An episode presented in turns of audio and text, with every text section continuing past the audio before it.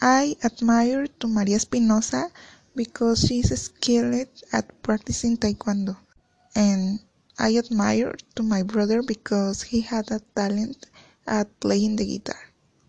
And admire to Adele because I think she's a really brilliant singer.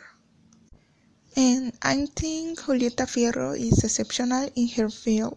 She is a physician and know, know much about astronomy.